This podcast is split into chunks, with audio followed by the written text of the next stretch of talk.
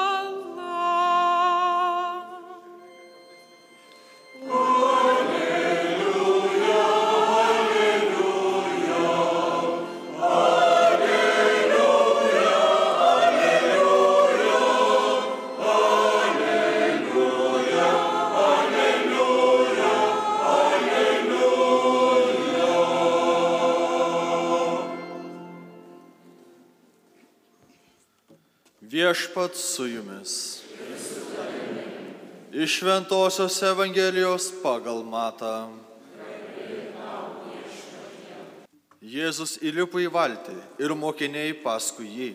Ir štai ežere pakilo tokia smarki vėtra, kad bangos net sėmė valtį. Tuo tarpu jis miegojo.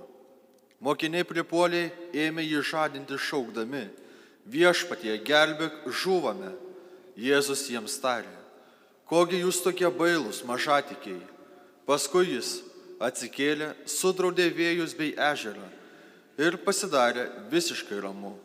Žmonės stebėjosi ir kalbėjo, kas jis per vienas, kad net vietra ir ežeras jo klauso. Tai viešpaties žodis.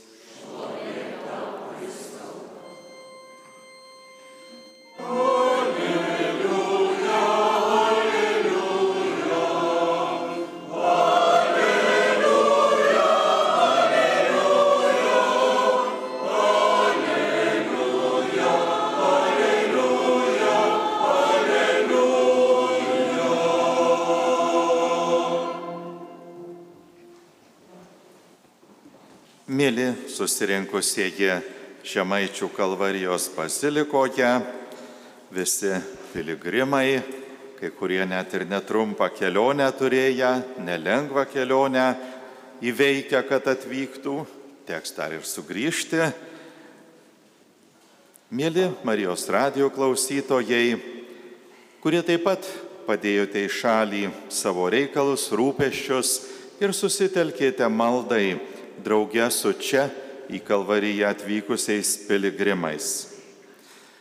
Tikrai norėtųsi kviesti atitrūkti mintimis nuo visokių kasdienybės rūpeščių ir susitelkti liturgijos šventimui ir pamastymui, kad visas tas laikas drauge, taip pat ir tie, kurie keliaus e, tos kas kalno stotis ir šis laikas su nemažai pastangų būtų palaimingas, mums visiems naudingas ir prasmingas.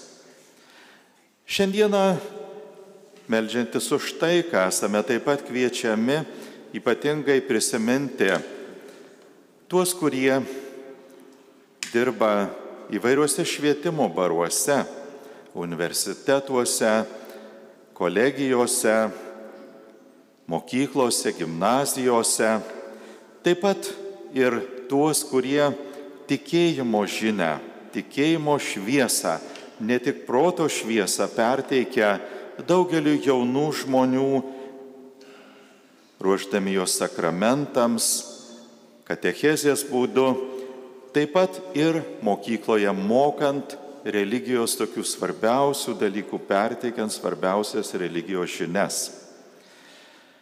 Tie, kurie esate vyresnė amžiumi, dar gerai pamenate, kai sovietmečiu buvo bandoma supriešinti mokslą ir religiją, teigiant, kad mokslas yra šviesa, religija yra tamsa. Popiežius šiandien jau šventasis Jonas Paulius II, kuris kaip tik iš tos socialistinės erdvės pateko į popiežišką tarnystę, gerai žinojo šį bandymą atskirti proto galę, žmonėms taip pat mūsų kurėjo duotą ir tas dvasinės galės ir visą dvasinę tikrovę, per kurią žmogus turi galimybę siekti artimesnio santykio su Dievu kurėjo ir siekti taip pat amžinojo gyvenimo.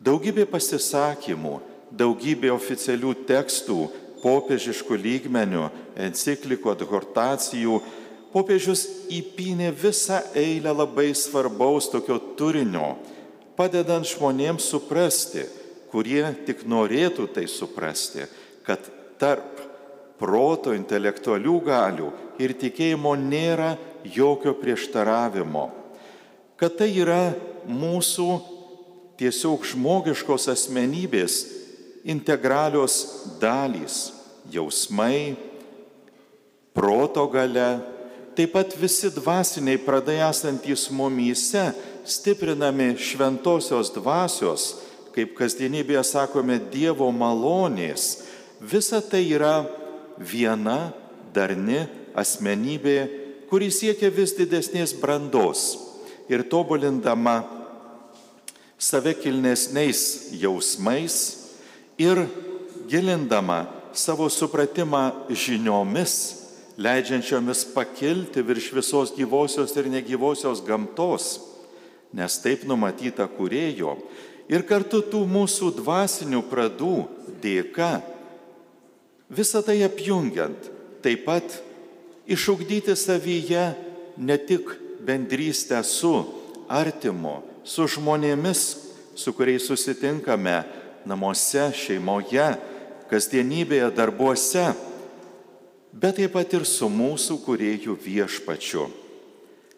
Kai visa tai vienoje asmenybėje dera, susilyja į vieną visumą, prisimenant ir paštalo Pauliaus mokymą, kuris irgi tuo metu atspindi filosofinės pažinimo dar nebuvo susiformavusi psichologija, bet iš to laikotarpio taip pat semėme kai kurias žinias.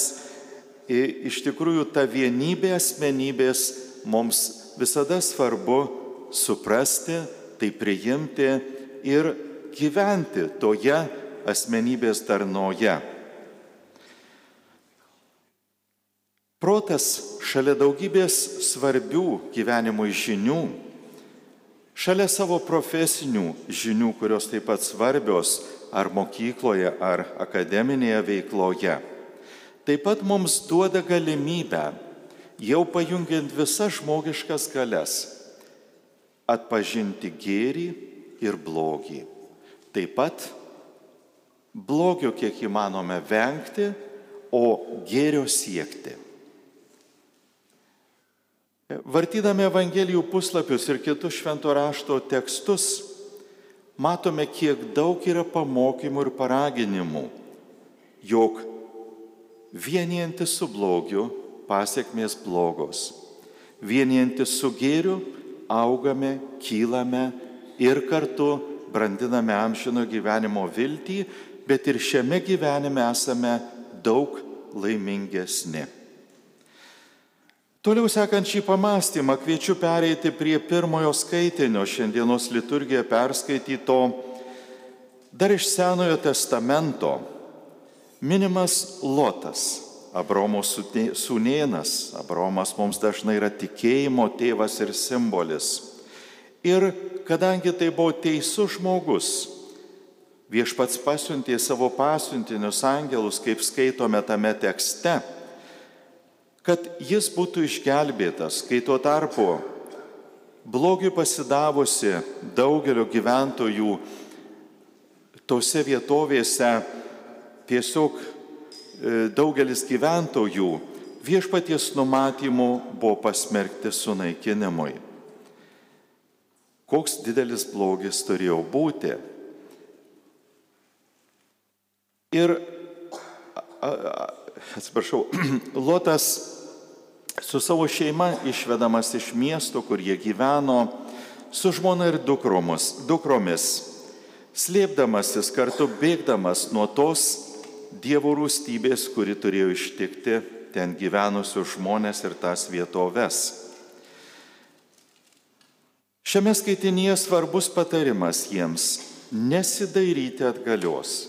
Nepaisant to, Loto žmona, besižvalgydama, taip ir žuvo. Tuo tarpu pats Lotas išsigelbė, nors ir neskubėjo priimti Dievo siunčiamų angelų raginimo skubėti. Jis nuolankiai meldė jų galimybės pasislėpti mažame mieste ir gavo tam pritarimą ir taip išsigelbėjo. Galėtume šią pamokančią Senojo testamento istoriją bandyti taikyti mūsų dienomis Kaip galėtume suprasti tą dairimąsi atgal ir pražūtį, galbūt ir tikinčio žmogaus žvelgimą vis nuolat blaškimasi į praeities paklydimus ir nuodėmes. Tuo tarpu Loto malda, matant ir savo jėgų ribotumą, baimę, kad nepasieks tų kalnų, kur buvo raginamas eiti, galėtume priimti kaip pamokymą net ir matant savo silpnumą, ribotumą, bet per maldą, ieškant pagalbos, dieviškai maloniai padedant, užtikrintai išsigelbėti. Visgi, tiek Lotui, tiek jo šeimai, kelionės vargą ir sunkumus, skubos nuovargį, Šiame pasakojime, kaip girdėjome, teko pakelti. Jie nebuvo iš karto tarsi automatiškai perkelti į kitą saugę vietą.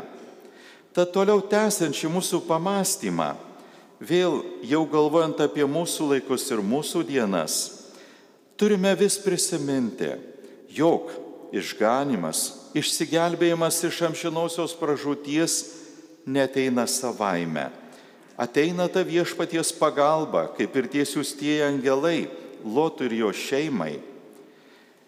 Tačiau turi būti mūsų svarbios pastangos. Keliaujame, einame per gyvenimo kelionę mes patys.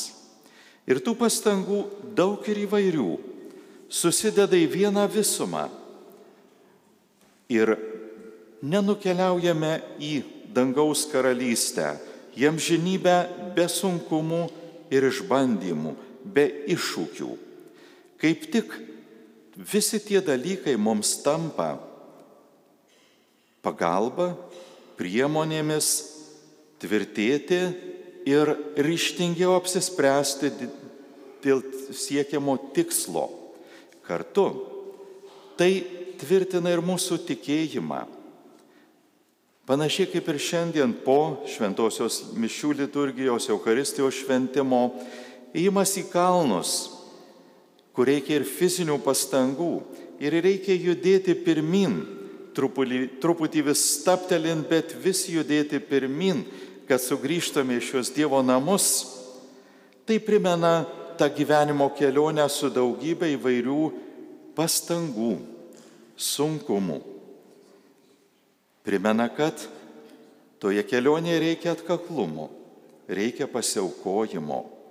Bet juk gyvenimo kelionėje siekiame tikrai ypatingo dalyko amžinojo gyvenimo. Kiekvieno laikmečio iššūkiai - tikėti, pažinti Dievą, Kristų tikinčiam ir jam artimam siekiančiam būti žmogui yra skirtingi. Vienokiai pavojai grėsė pranašams, kiti pirmųjų amžių krikščionėms, dar kitokie mūsų dienomis. Tačiau visais laikais reikia iškaus apsisprendimo sekti Kristumi, kas bebūtų, ir taip pat reikia mūsų nuolatinių pastangų. Šiandien daugelis katalikų tikinčių žmonių patiria, jog vis labiau pasaulėjančioje aplinkoje ne visada lengva gyventi tikėjimu ir jį liūdyti.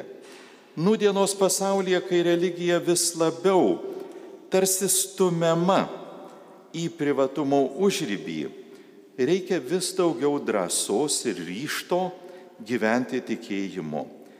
Tikybos mokytojai, kurie labiausiai susiduria su šiomis tendencijomis savo darbe, tą labai gyvai išgyvena ir patiria, kad jeigu tik su dar net ir tokiu džiugiu tikėjimu pamažu vis įrėmės pirmin, kad yra prasminga ta veikla, perduoti tikėjimo žinias, perduoti gyvą tikėjimą įliūdyti, nes to poreikis mūsų dienomis yra labai didelis. Tad noriu linkėti jums, mėly tikybos mokytojai, ir drąsaus, ir džiugaus tikėjimo, kuris kyla iš vienybės su viešpačiu, iš maldos kartu, subrandinančios mūsų vidiniai ir dvasiniai. Ir nebijant, turint drąsos eiti pirmin. Toliau jau, ką galima padarę, pasitikime ir viešpačiu Ir žiūrėk, viešpas sujudina tų jaunų žmonių, vaikų, paauglių, jaunimo širdis. Ir kažkas lieka tose širdyse gero, lieka taip pat ir žinių, kurios padeda suprasti, jog asmenybė tai nėra vien tik kokie nors jausminiai dalykai, kad Dievo duota proto gale tikrai naudinga atpažįstant, kas yra gera ir kas yra bloga. Taip pat ir tie dvasiniai pradai esantys mumyse kažkaip sujuda ir tuose jaunose žmonėse ir tam tikri to dvasinio tokio jau buvimo bendrystė su viešpačiu, kad ir maži pamatai vis tik dėliojasi. Gal duos Dievas malonės ir ateityje tie pamatai sustiprės ir žiūrėk brandžiame amžiuje, su tokia atsakinga asmenybės branda sulauksime ir gražių tikėjimo vaisių, kurie galiausiai galbūt ir padės pasiekti amžinybę. Tad drąsos, dar kartą drąsos. Tiems, kurie darbuojasi e, kitose švietimo srityse, taip pat akademinėje srityje, taip pat norisi linkėti, suvokiant tą asmenybės darną įvairią pusę ir mūsų santykiai su kūrėju, taip pat visai nesidrovėti ir nebijoti, kad kiti žinos, jog mumyse tie tikėjimo pradai auginami.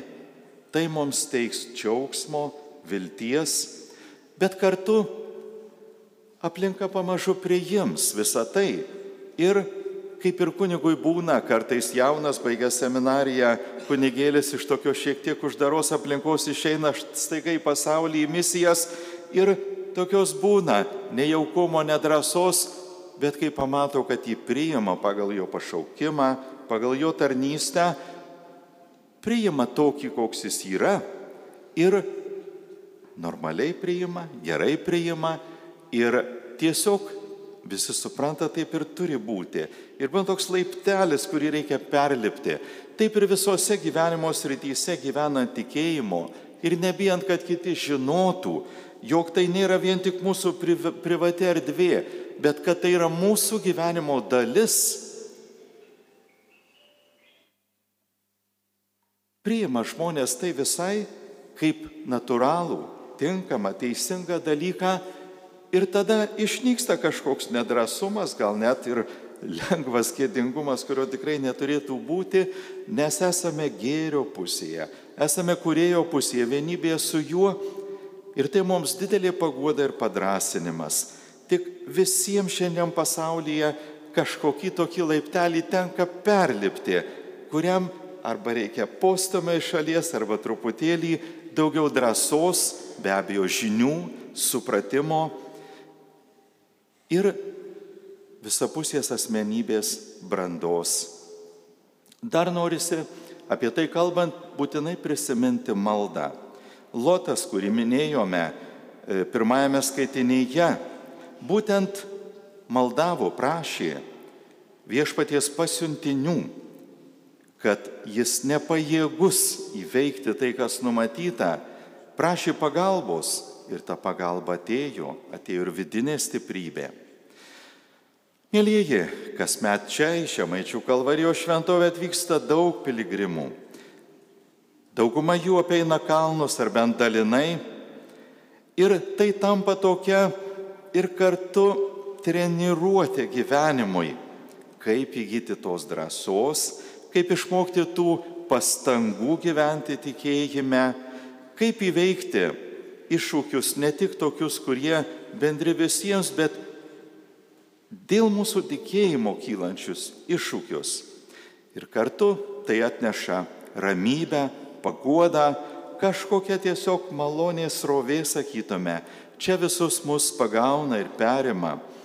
Tikrai ypatinga ši vieta. Kažkaip ir šiandien važiuojant prisiminiau, jog jau tikrai daug metų kasmet atvažiuoju į šią šventovę ir kasmet išvykstu kažkaip sustiprintas vidiniai. Tiesiog tas sustiprinimas yra kažkoks visapusiškas. Linkiu ir jums to nuoširdžiai šiandieną. Kai kada kryžių kasdienybėje gali būti nešti ir sunkoka. Kai šiek tiek turime tos patirties iš maldingumo praktikos, taip pat ir čia kryžiaus kalnų apėjimo praktikos, dažnai tai padeda ir būna lengviau. Taip pat Kai patiriame blogio įtaką gyvenime, įvairius gundimus, jiems lengviau atsispirti.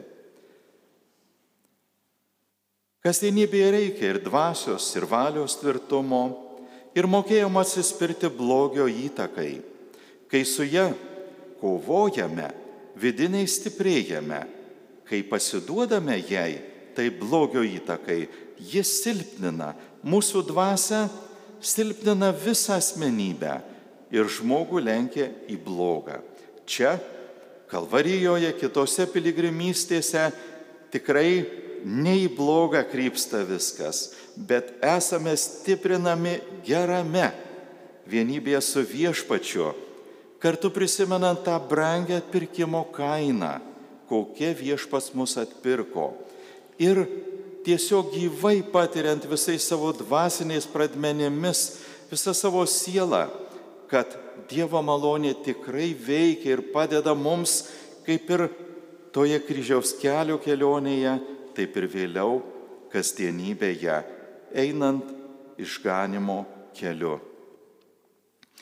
Myliai, šiandien ypač melžiamės ir už visus mokslo bei tikėjimo šviesa besidalyjančius, tą šviesą skleidžiančius, prisimenant nešančius mokslo ir tikėjimo šviesą, norisi prisiminti ir tai, jog viešpats Jėzus savo mokiniams, apaštalams nebuvo taip labai lengvai nuspėjamas mokytojas.